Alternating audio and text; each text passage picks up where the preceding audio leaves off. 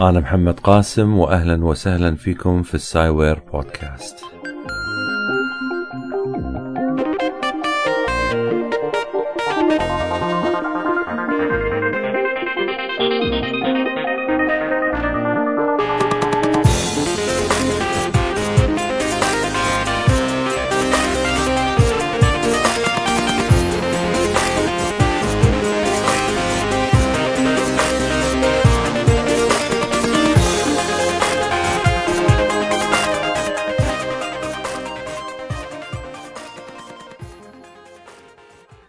إذا كنت تريد أن تبني سفينة لا تحشد الرجال لجمع الحطب ولا لتقسيم العمل وإصدار الأوامر. بدلا من ذلك علمهم الاشتياق لاتساع ولا نهائية البحر. أنتوان دا سينت أكسوبري ما في هناك سؤال يجيش مشاعري ولا يشعل كل خلية من خلايا مخي بقدر السؤال اللي يتساءل عن أهمية بعض النتائج العلمية ويأتي مثل هذا السؤال على عدة أشكال ولكن هذه الأسئلة كلها بمضمون واحد مثلا من الممكن أن يسألني شخص هذا السؤال يقول لي العلماء صرفوا المليارات على المصادم الهدرون الكبير شنو الفائدة؟ أو شنو الفائدة من إنزال مركبة على المريخ؟ مو الأفضل أن نركز على حال البشر على الأرض بدل من أن نصرف المليارات على شيء ما يأتي بنتيجة. أو مثل هذا السؤال اللي وصلني على تويتر بعد أن طرح صديقي المعلومة اللي تقول أن الشمس تستطيع استيعاب مليون وثلاثمائة ألف كوكب بحجم كوكب الأرض حتى تمتلئ. بعدين ألحق بنقطة ثانية اللي هي بعدد النجوم في درب اللبانة وهو أن هناك 200 مليار نجم. فسأل أحد الأصدقاء هذا السؤال يقول ماذا نستفيد من هكذا معلومات قضينا وقتا بإحصائها وماذا بعد؟ أنا أشكر السائل من كل قلبي لأن السؤال مهم جدا ومن المهم الإجابة عليه حتى تتضح أهمية العلم. قد تتصور أن مثل هذه الأسئلة تطرح بين عامة الناس لكن الحقيقة أنها تطرح على مستوى السياسيين المتخذي للقرار وحتى العلماء. وهذه تأثر على ميزانيات صرف الدول على الأبحاث العلمية. وقبل أيام بقليل قام العالم الشهير في الفيزياء الفلكية تايسون نيل ديغراس بالشهادة أمام مجلس الشيوخ في أمريكا عن أهمية زيادة الصرف على ناسا. وهذا النقاش فتح بسبب الوضع الاقتصادي العالمي فتحدث كعادته بفصاحة علمية رائعة وبدأ بالجملة اللي ذكرتها في البداية وبين أهمية وكالة ناسا وببلاغة بين أهمية العلم ككل في رفع مستوى الأمم. بداية أذكركم بأني حاليا أتعاون مع شبكة أبو نواف. عندنا هدف مشترك. شبكة أبو نواف تقدم مواد ترفيهية وأخرى هادفة ولأنهم مهتمين بتقديم مواد مفيدة وبناءة ترسل لكم السايوير بودكاست من ضمن باقتها المنوعة. حتى يوصل هذا البودكاست لمسامع أكبر عدد من أفراد العالم العربي.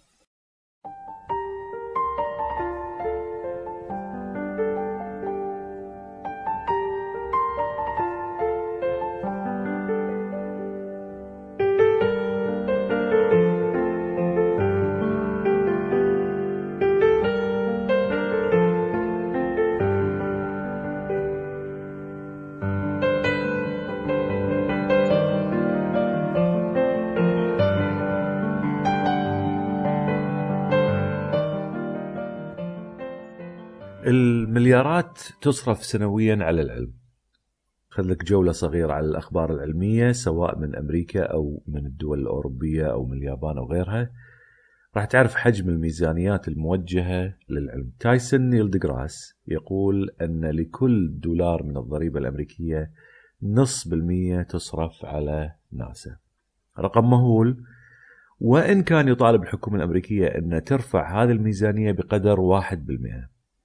على سبيل المثال الميزانية لناسا عام 2011 كانت 18 مليار دولار.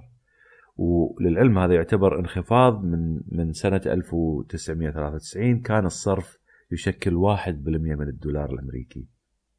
لكن وصل إلى النصف بالمئة من الدولار قبل سنوات وهالسنة هذه صار أقل الصرف أقل من النص هناك من يتساءل ليش نصرف مبالغ طائلة حتى نرسل مركبة فضائية إلى القمر أو المريخ؟ ليش نصرف المليارات على المصادم الهدرون الكبير اللي هدفه هو الكشف عن أسرار لمكونات صغيرة جدا ما لها أي أثر على حياتنا الشخصية؟ طيب ليش العلماء يقومون بإحصاء الكواكب والنجوم والمجرات؟ يعني خلينا نقول إن علمنا إن في مجرتنا أكو 200 مليار نجمة أو إن هناك مليارات من النجوم في كل مجرة وهناك مليارات من المجرات أو هناك أكثر من 10 مليار كوكب شبيه بالأرض في مجرتنا يمكن العيش عليها الحياة عليها. لو عرفنا إن الشمس بحجمها الكبير يمكنها استيعاب مليون وثلاثمية ألف كرة أرضية. أو إن مثلا يعني هناك نجم اسمه VY Canis Majoris يستطيع إنه يستوعب سبع مليارات شمس مثل شمسنا طيب شو الفائده من هاي المعلومات؟ شنو شنو شنو بعد هذا؟ إحنا بعيدين عن المجرات هذه إلى درجة أو حتى النجوم إلى درجة انه لا يمكن الوصول لها بأي وسيلة صاروخيه نعرفها اليوم. ويبدو إن قاعدين إحنا نصرف على شيء ما يعود علينا بالنفع، مشاكل الأرض كثيرة بدل من أن تصرف هذه المبالغ على الفضاء اصرفها على الفقراء. اصرفها على علاج القضايا الاقتصادية الحالية اصرفها على إطعام البشر. قائمة ما تنتهي يعني عندك أنت مجموعة من المشاكل خلينا نعالجها بدل ما نصرف على الفضاء. اللي قد ما تحس فيه هو أن من خلال صرف هذه الدول لهذه الكميات الهائلة من المبالغ سواء على ناسا أو على المصادم الهدروني الكبير أو على أي مشروع أنت ما يعني ما تشعر بقيمته من خلال هذه الأمور كلها قاموا بإطعام البشر وبعلاجهم من الأمراض وبتحسين الاقتصاد. وبشكل عام رفع العلماء الكثير من المعاناة من البشر وازدهرت الحياة على الأرض بسببهم. لكن المشكلة بطبيعته أن البشر يستعجل ويريد الحلول المباشرة اللي يراها أمام عينيه. يبي الإشباع اللحظي يبي الحين كل شيء يصير الحين. المشكلة الأخرى أن البشر لا يضع أي تقدير للمميزات اللي يلمسها في حياته اليومية. وهذه المميزات تسبب فيها العلماء. لأنه ببساطة تعود على وجودها من حوله. فصارت مثل الريحة الحلوة اللي اعتاد على استنشاقها وما عادت تؤثر فيه. لذلك راح أبين أهمية العلم وأهمية النظر في السماء سواء على مستوى عد النجوم أو على مستوى الصرف على المصادر الهدروني الملياري الكبير أو ما شابه.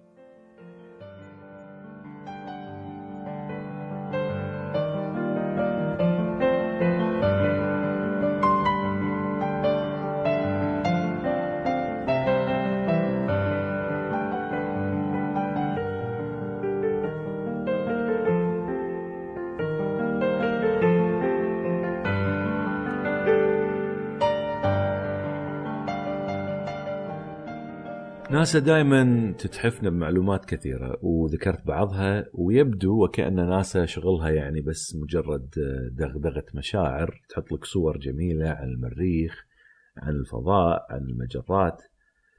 شو الفائده من مؤسسة تصرف المليارات للتسلية؟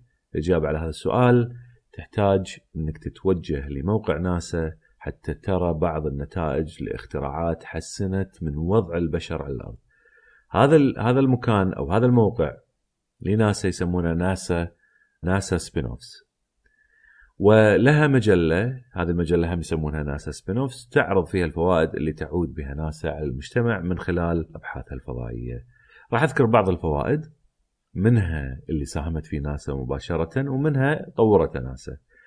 ومنها اللي لا زال تعمل عليه حتى تعم الفائدة في المستقبل. خلينا ناخذ واحد. الثرمومتر اللي يعتمد على الأشعة تحت الحمراء. لابد أنك أنت تعرف هذا النوع من الثرمومتر لأنك مستخدمه. لأنه فعلا موجود في كل مستشفى وفي كل صيدلية وهو يستخدم للكشف عن الحرارة حرارة المريض مليارات المرات سنويا. هذا النوع اللي ينحط في الأذن ويقيس درجة الحرارة من خلال الأذن وهو يعمل بنفس الطريقة اللي تستخدمها ناسا لقياس حرارة النجوم في الفضاء.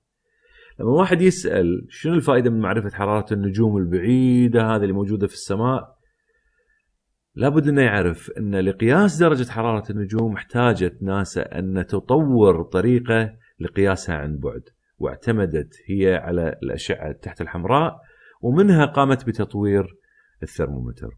وبهذا الثرمومتر أصبحت قياس درجات الحرارة من أسهل ما يكون وخصوصا للأطفال. حاول أنك تقيس درجة الحرارة حرارة الطفل بالأدوات التقليدية حتى تعرف حجم المعاناة. إذا بالنظر إلى النجوم لمعرفة درجات حرارتها تمكن العلماء من تطوير الثرمومتر.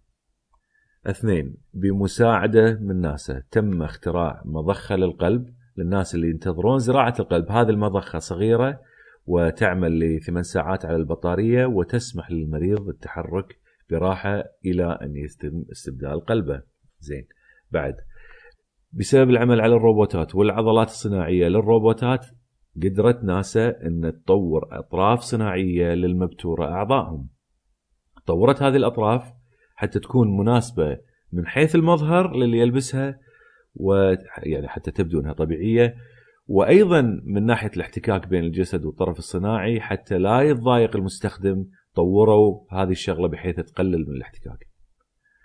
اللي بعده بسبب المركبة الفضائية فايكنج اللي نزلت على المريخ احتاج العلماء لمظلة قوية تمكنهم من إنزال المركبة. وبالمساعدة من شركة Goodyear هذه اللي تصنع تواير السيارات عجلات السيارات.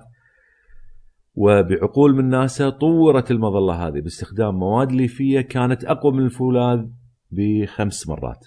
واليوم أنت في سيارتك تستخدم هذه العجلات لأنها موجودة في السيارات وهي تستطيع أن تسير على الشارع لمسافات أطول بكثير قبل أن تتآكل.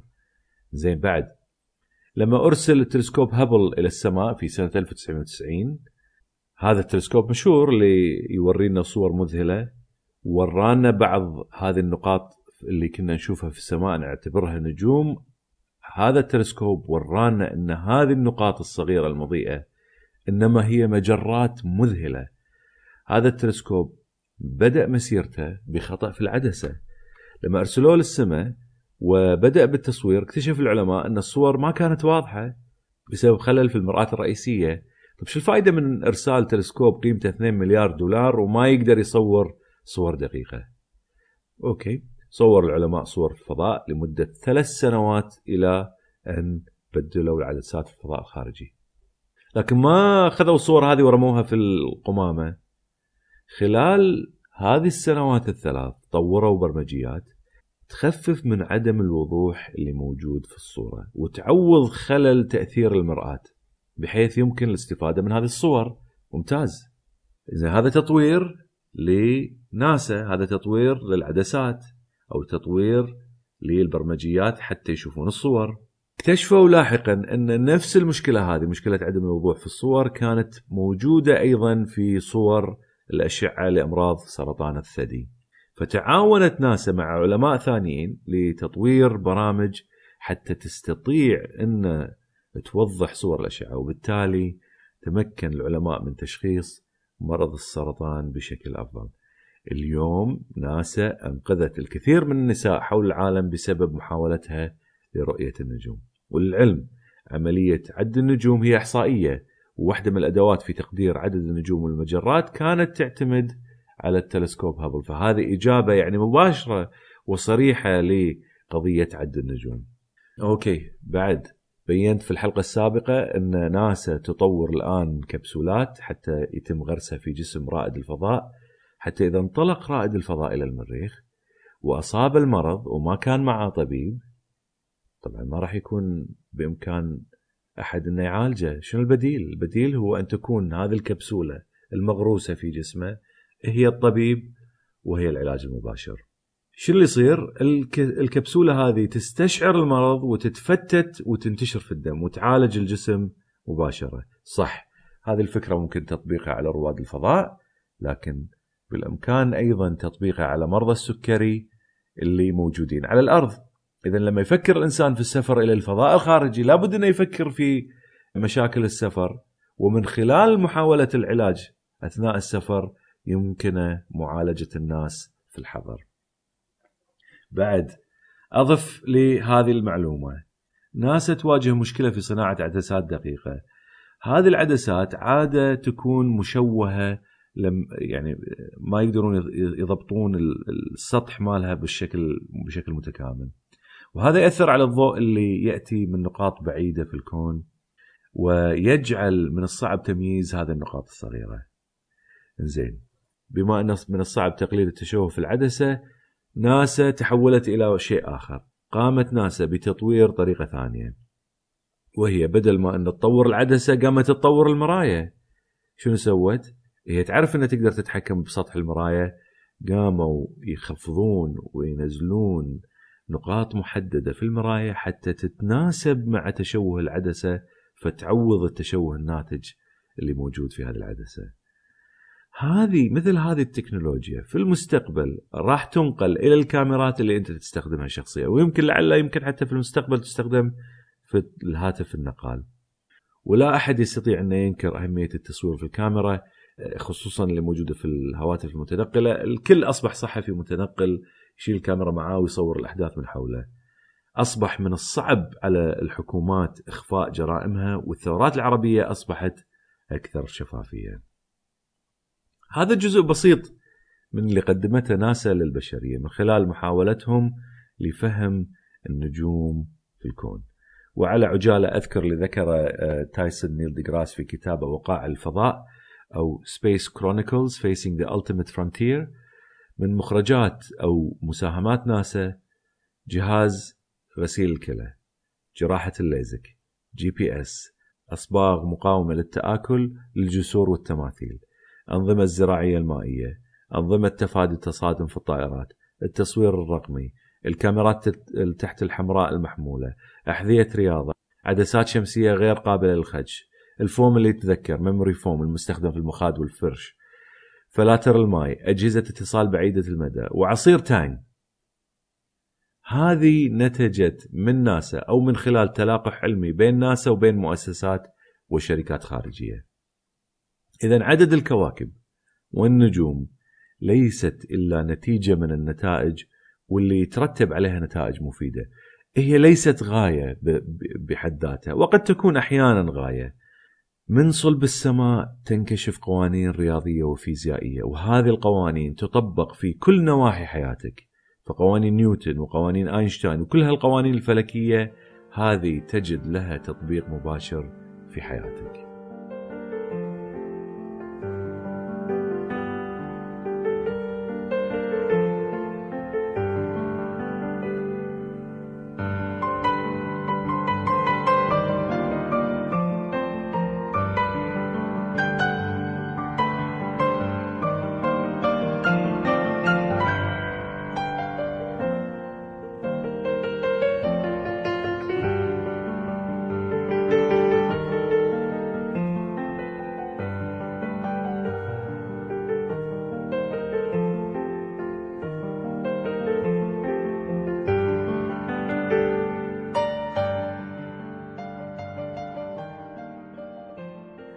في مناقشتي للنظر في النجوم اخترت ناسا لأن هي أكثر المؤسسات الفضائية وضوح. لكن لا يعني هذا إن المؤسسات الأخرى أقل شأن منها.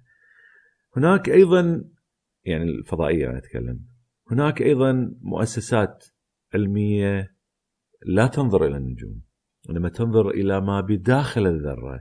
الكل يعلم عن المصادم الهدروني الكبير وهو المعجل للجسيمات اللي موجود بين فرنسا وسويسرا. صرف على هذا المعجل المليارات من الدولارات وقام على إنشاء آلاف المهندسين والعلماء. قضوا عليه وقت طويل إلى أن اشتغل وبعد فشل اشتغل المصادم الهيدرودين الكبير قدر الطاقة اللي يستهلكها هذا المصادم هو 120 ميجا كل هذا حتى يعجلون جسيمات صغيرة حتى يكتشفون شنو؟ حتى يكتشفون شنو داخلها. طيب مو الأفضل إن هالفلوس هذه تروح يعني للكهرباء للفقراء حتى تضاء بيوتهم؟ أو حتى يعني هالفقير هذا المسكين اللي قاعد في البرد ممكن تشغل له سخان بدل من إنه يموت من البرد؟ شو الفائده من معرفة مكونات الكون الصغير؟ أتذكر لما كنت أستمع للبودكاست Science Friday أحب البودكاست أنصحكم بسماعه. سأل مقدم البرنامج Ira Flatow سؤال لأحد العلماء من سيرن اللي كانوا يشتغلون على المصادم الهدروني الكبير عن فائدة النتائج اللي راح تأتي بها هذه التصادمات. فأجاب بأن ما فيها أي فائده يعني شنو؟ يعني ما في أي فائده مباشرة نستفيد منها اليوم ابدا. فعلا منطق الإشباع اللحظي أو النتائج المباشرة يناسب كل شخص عنده ضيق أفق ونظرة قريبة المدى. تعال واسأل هذا السؤال لما أسس أينشتاين لنظرية النسبية في بداية سنة 1900 خلينا نسأل. نسأل أينشتاين شو الفائده من نظريته هذه؟ نظريته تبين الوقت نسبي أتفق إن المعلومة شيقة وغريبة لكن ما نستفيد منها مباشرة، قصة جميلة أركب بمركبة فضائية انطلق بسرعة قريبة جدا من سرعة الضوء، أرجع للارض مرة ثانية بعد يوم راح تجد أن الأرض وسكانها تقدموا مليون سنة. فعلا معلومة غريبة مثيرة. أوكي يلا الحين نرجع لحياتنا اليومية. لحظة انتظر توقف. حياتك اليومية تتأثر بهذه المعلومة وبرياضياتها مباشرة. لولا النظرية النسبية لما كان هناك شيء اسمه GPS. لولا النظرية لكان من المستحيل تحديد موقعك بدقة. تعال واسأل بور وشرودنجر وهايزنبرغ شنو الفائدة من الميكانيكية الكمية؟ شنو الفائدة من معرفة غرابة العالم المتناقض؟ الكترون يحتمل أن يكون في مك في كل مكان. وبعد قياسه ينهار في مكان واحد. فوتون في تجربة الشقين. يعبر من شق يعبر من شقين لا يعبر من أي من الشقوق. شلون؟ المستقبل يؤثر على الماضي بدل من أن الماضي يؤثر على المستقبل. معلومات في منتهى الغرابة. لكن شنو الداعي لها؟ ليش تقام عليها التجارب المليارية حتى تثبت صحتها؟ صرف الأموال على إطعام الفقير. لولا هذه النظريات. اللي صدرت من هؤلاء العلماء. لما كنت تحمل جهاز إلكتروني واحد في يدك ولا كان هذا الهاتف النقال اللي في إيدك اليوم بحجم منزل كامل. لأن الإلكترونيات الدقيقة تحتاج إلى أجهزة دقيقة وترانزستورات صغيرة. ولولا النظريات اللي أسستها الميكانيكية الكمية لما عرف العلماء كيف تتحرك الإلكترونات والثغرات ولا عرف العلماء حدود الترانزستورات. من خلالها صنعت الكمبيوترات اللي استخدمت لفهم الأمراض ولتحليلها وعن طريقها طور العلماء الميكروسكوبات الدقيقة اللي من خلالها استطاع انه يفهم تركيبة الخلايا ومن خلالها استطاع أن يطور الغذاء ليغذي المليارات من البشر. أضف لهذا أن التناقضات هذه اللي موجودة في عالم الميكانيكية الكمية اللي عرفها العلماء أسست لمبادئ الكمبيوتر الكمي. واللي راح تشوف نتائجه في السنوات القريبة القادمة. كمبيوترات لها القدرة على حسابات رياضية معقدة وسريعة جدا. من خلالها يمكن أن نفهم عالمنا بشكل أفضل. ومن خلالها ممكن فهم المناخ اللي يحتاج لكمبيوترات في منتهى السرعة. ومن خلالها يمكن تحليل الكثير من القضايا المستعصية على الكمبيوترات الحالية.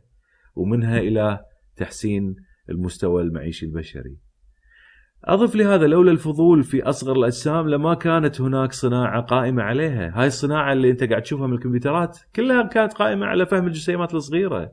صناعة توفر للبشر الوظائف تساهم في الإنتاج وتقوية الاقتصاد. إذا لما يتساءل الناس عن عدد النجوم في السماء أو حركة الإلكترونات في الذرة انتبه هذا يحتاج لأن تسخر عدد كبير من العلماء الأذكياء القادرين على تطوير أجهزة في غاية التعقيد مثل التلسكوبات، الأقمار الصناعية، المركبات الفضائية، أجهزة القياس والكمبيوترات، وكذلك يحتاج العلماء لتطوير قواعد الرياضيات والفيزياء وغيرها من الأمور. بالتالي تفتح أبواب جديدة وتنتج نتائج مباشرة تؤثر على حياة البشر. افقد هذا السؤال، افقد هذا الفضول، افقد هذا الطموح وستفقد العلماء وستفقد كل هالقوانين الرياضية. افقد هذه الأسئلة افقد حلم أمة افقد أمة. فتامل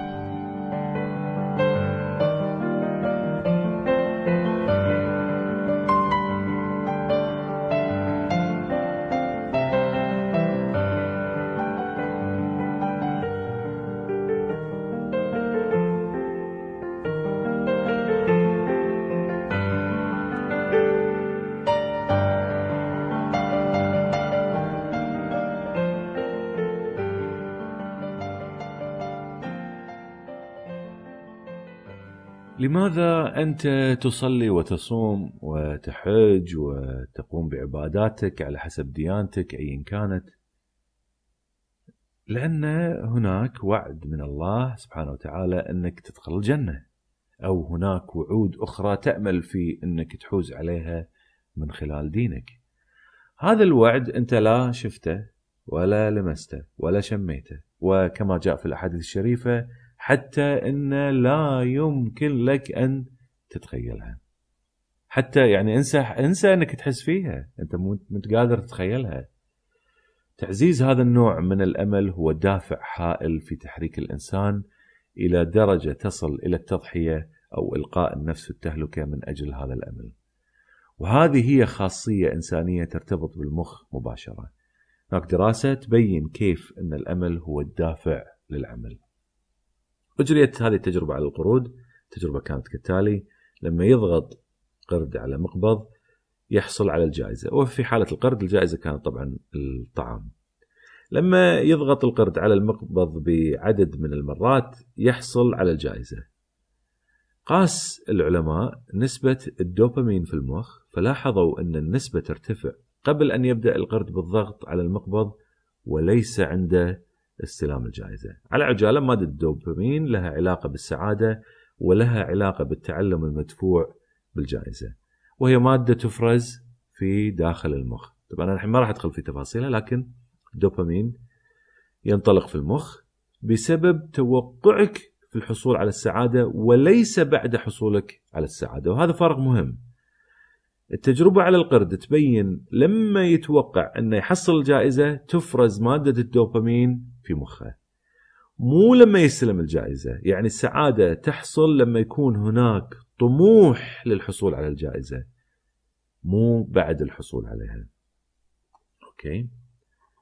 قرر العلماء تغيير التجربة شوية ابيك تلاحظ معي بدل من انه يعطون القرد الجائزة في كل مرة يضغط فيها على المقبض عطوه الجائزة 50% من المرات. يعني 50% من المرات اللي يضغط فيها على المقبض ويجيب طريقة الضغط صح يعطونا الجائزة بس مو كل مرة يعطونا إياها. فكانت مرة إي مرة لا. 50% من المرات ياخذ فيها الجائزة و50% ما ياخذ حتى لو كانت اجابته صح. وكانت بشكل عشوائي. فما كان يعرف القرد في أي المحاولات للضغط سيحصل على الجائزة. اكتشف العلماء أن كمية ضخ الدوبامين في المخ ترتفع بشكل أكبر بكثير من السابق. يعني إذا كان في السابق كانت كمية الدوبامين لما يحصل على الجائزة هي 50% ارتفعت إلى 100% وهي أكبر مما لو حصل القرد على الجائزة في كل مرة.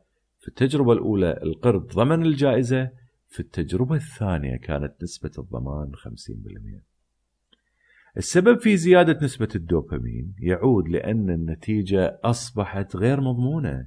يمكن تصير يمكن ما تصير. حسب ما يقول دكتور روبرت سابولسكي العالم في علم الأعصاب أنت أدخلت كلمة ربما في المعادلة وكلمة ربما تسبب الإدمان بشكل كبير. وهذا الشيء ينطبق تماما على الإنسان حسب ما ذكر الدكتور روبرت. ويقول أن لما تفصل بين الجائزة والعمل وتجعل بينهم فارق زمني فإن مستويات الدوبامين ترتفع عند الإنسان. فيقول طبعا هو تخيل انك تبدأ بالمدرسة من الصغر وعندك طموح كبير في انك تصبح شيء في المستقبل فتذاكر بشكل جيد تقدم اختبارات جيدة تقدم على جامعات جيدة إلى أن تصل إلى غايتك في العمل وتكون في مكان تحبه. الإنسان يستطيع أن يبقي على مستويات الدوبامين في المخ بشكل عالي جدا انتظارا للجائزة في المستقبل البعيد. وهذا اختلاف وفارق بيننا وبين الحيوان وهو الاستعداد للانتظار على أمل أن يتحقق الشيء حتى لو كان الفارق الزمني كبير جدا. أوكي. يمكن أنا جردت أحاسيس السعادة بطريقة علمية وجعلتها مواد كيميائية تفرز في المخ، لكن خليك من الدوبامين، خلينا نتكلم عن المشاعر اللي تحس فيها لما ترى النجوم. النجوم بالذات نظر لها الإنسان وحاول انه يفهمها على مر التاريخ. والإنسان بطبيعته يحب الاكتشاف. لذلك ترى أنه يتحرك على الأرض وعلى البحر وسافر وقطع مسافات شاسعة. بداية كان بالمشي على الأقدام بعدين استخدم الحيوانات إلى السيارات والطائرات وغاص حتى في أعماق البحر حتى يكتشف أسراره. وحطم الجسيمات الصغيرة من من أجل أنه يكتشف شنو في داخلها ونظر إلى السماء في عمق الكون لاكتشاف أسراره. محاولة الاكتشاف والأمل والطموح تشعره بالسعادة وتجعله يعمل من أجل تحقيق هذه الطموحات العالية البعيدة المنال. إذا الأمل دافع للعمل ومن نتائج الأمل والطموح والاكتشاف انتفاع البشر فترتفع معاناتهم وتزدهر حياتهم. وهذه القصة معروفة وأنت تحس فيها يوميا حتى لو ما كنت تقدر الجهد العظيم اللي بذل العلماء الفضوليون المكتشفون. القصة عرفت لما اكتشف الإنسان الأرض. إحنا ترى ما زلنا في بدايتها. القصة ما تنتهي باكتشاف الأرض والبحار اللي آه، في الأرض. القصة تتكامل لما يكتشف الإنسان نجوم والكواكب الأخرى. هذا هذا هو البحث القديم. راح يكون آه، يوم من الأيام عندنا كريستوفر كولومبوس آخر يرحل في الفضاء ويكتشف أماكن ثانية يمكن للإنسان أنه يعيش فيها. تدريجيا الإنسان راح يمتلك المجرة هذه وحتى يمكن الكون كله. هناك تنتهي القصة وتكتمل. قبل أيام غاص جيمس كاميرون إلى أعمق نقطة في الأرض وهي موجودة في قاع البحر وأتى من هناك حتى يخبرنا عن بعض التفاصيل لما رآه في القاع. وبكلمات بسيطة مرصعة بمشاعر إنسانية استطاع أن يرسل أمواج من الأحاسيس حول العالم. ومثل ما قرأت أنا في أماكن مختلفة على الإنترنت أن هذه الأحاسيس بدأت تحرك العلماء من أجل استكشاف الأعماق. وإذا رجعنا مرة ثانية إلى بداية البودكاست الكلمة اللي قلتها هناك إذا كنت تريد أن تبني سفينة لا تحشد الرجال لجمع الحطب ولا لتقسيم العمل وإصدار الأوامر. بدلا من ذلك علمهم الاشتياق لاتساع ولا نهائية البحر. هكذا هو الإنسان. لما تريد منه أن يقوم بمهمة عليك بتحفيزه عليك بإشعال خياله. كلما اتسعت عنده فسحة الأمل كلما عمل أكثر وأتى بنتائج أفضل. إذا لما نتطلع إلى النجوم فإما أن نصل لها أو ما دونها وأتوقع أننا يوم من الأيام نصل لها وما بعدها. وشكرا لكم وإلى اللقاء في الحلقة القادمة.